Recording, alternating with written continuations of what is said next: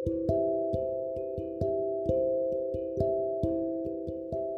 pada kesempatan kali ini kita akan ngobrolin postingannya fogi.idn yang diposting pada satu tahun yang lalu ya, satu tahun yang lalu mengenai decision fatigue atau keputusasaan dalam mengambil keputusan.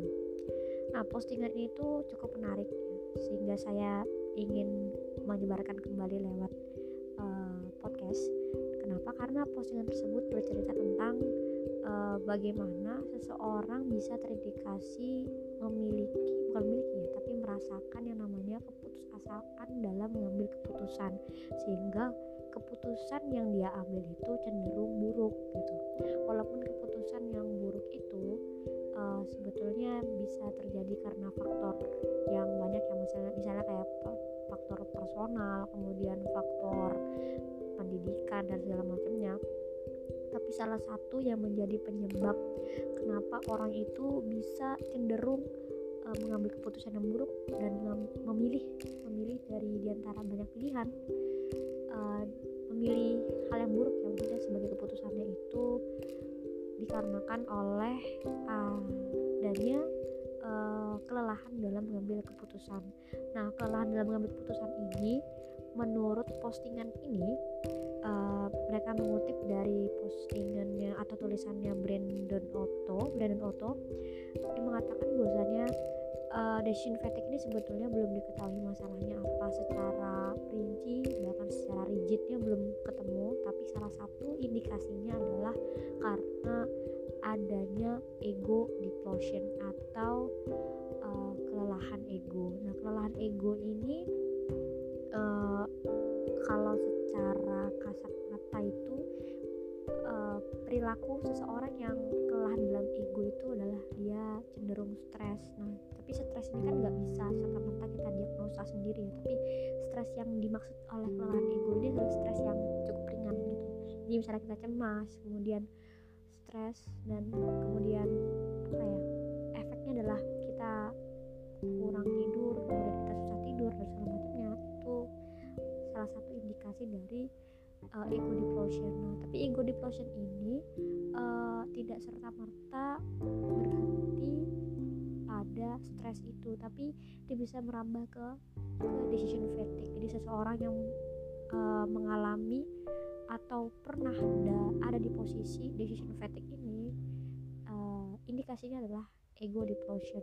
Nah, kemudian tapi yang menarik dari postingan ini sehingga saya ingin mengulas kembali postingan ini menjadi sebuah podcast sederhana adalah tentang bagaimana tulisan ini atau postingan ini bisa menjelaskan bagaimana kita keluar dari uh, fase ini. Walaupun tidak serta merta keluar ya karena butuh waktu yang cukup banyak. Bukan cukup banyak tapi butuh-butuh yang mungkin panjang tapi juga dipengaruhi oleh kitanya juga.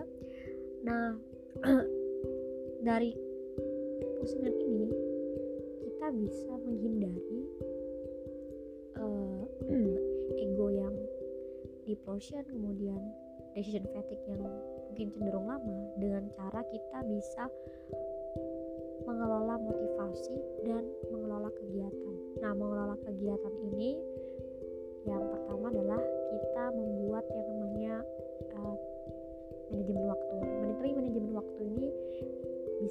dibagi atas dua ya. Ada time based management atau berdasarkan waktu yang benar-benar waktunya. Jadi berdasarkan apa ya istilahnya urutan waktu. Tapi ada juga yang event based management ada berdasarkan event jadi kalau kita mengelola kegiatan berdasarkan ini uh, dan kita juga mengelola motivasi. Dan mengelola motivasi ini maksudnya adalah mengelola yang namanya apa ya semacam ruh atau semacam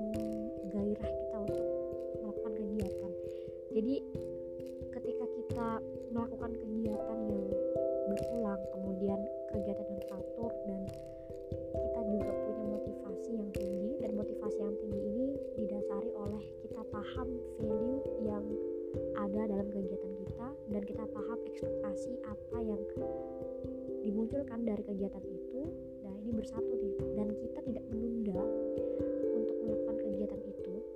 Nah maka bisa dipastikan atau bisa dibayangkan ya motivasinya itu cukup tinggi gitu. Jadi kalau kita punya motivasi yang yang stabil dan kita juga punya kegiatan-kegiatan yang kita susun berdasarkan waktu ataupun berdasarkan event atau berdasarkan kegiatan itu sendiri nah insya Allah kita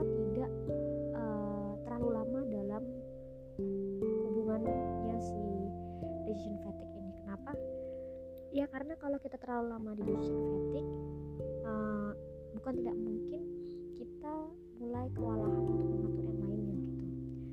Seperti itu. Jadi postingan ini cukup menarik untuk dibahas. Teman-teman bisa buka uh, instagramnya fogi.idn atau forum Andra Budi. Ya. nah, kemudian yang menjadi uh, standing point yang menarik dari postingan ini adalah bagaimana Brandon Otto itu menggambarkan sebuah kebiasaan dan sebuah pilihan-pilihan yang sederhana itu bisa mengurangi tingkat stres kita gitu. Jadi kalau kita itu tidak terlalu banyak pilihan dan kita juga tidak terlalu cemas dalam memilih itu bisa mengurangi yang namanya kelelahan dalam mengambil keputusan ini gitu. Jadi kalau teman-teman merasa teman-teman biasa aja gitu tidak terlalu menonjol dengan yang lainnya gitu kan justru perlu disyukuri gitu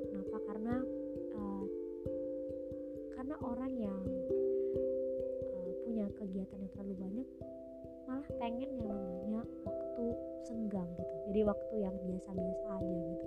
Jadi kadang-kadang emang bener ya uh, rumput tetangga tuh lebih hijau kelihatannya tapi yang kayak gitu juga gitu ya. Nah dan yang terakhir uh, ditulis di postingan ini adalah kebiasaan kita itu bisa menjadi kunci merasakan kelelahan meskipun itu membosankan akan tetapi kebiasaan kita itu bisa mengalihkan diri kita bisa membuat kita lebih segar dan siap untuk mengerjakan tantangan pekerjaan yang lainnya gitu. Jadi malah yang biasa-biasa aja ini uh, aturan dalam membagi tenaganya itu lebih lebih adil gitu bahkan lebih proporsional gitu. Kenapa? Karena fatigue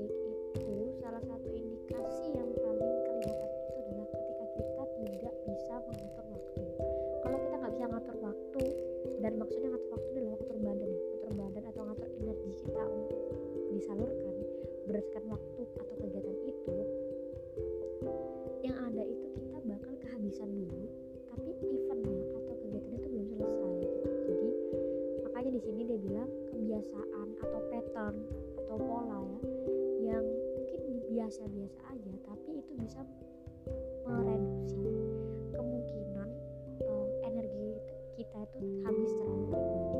Nah mungkin kayak gitu. Thank you Foggy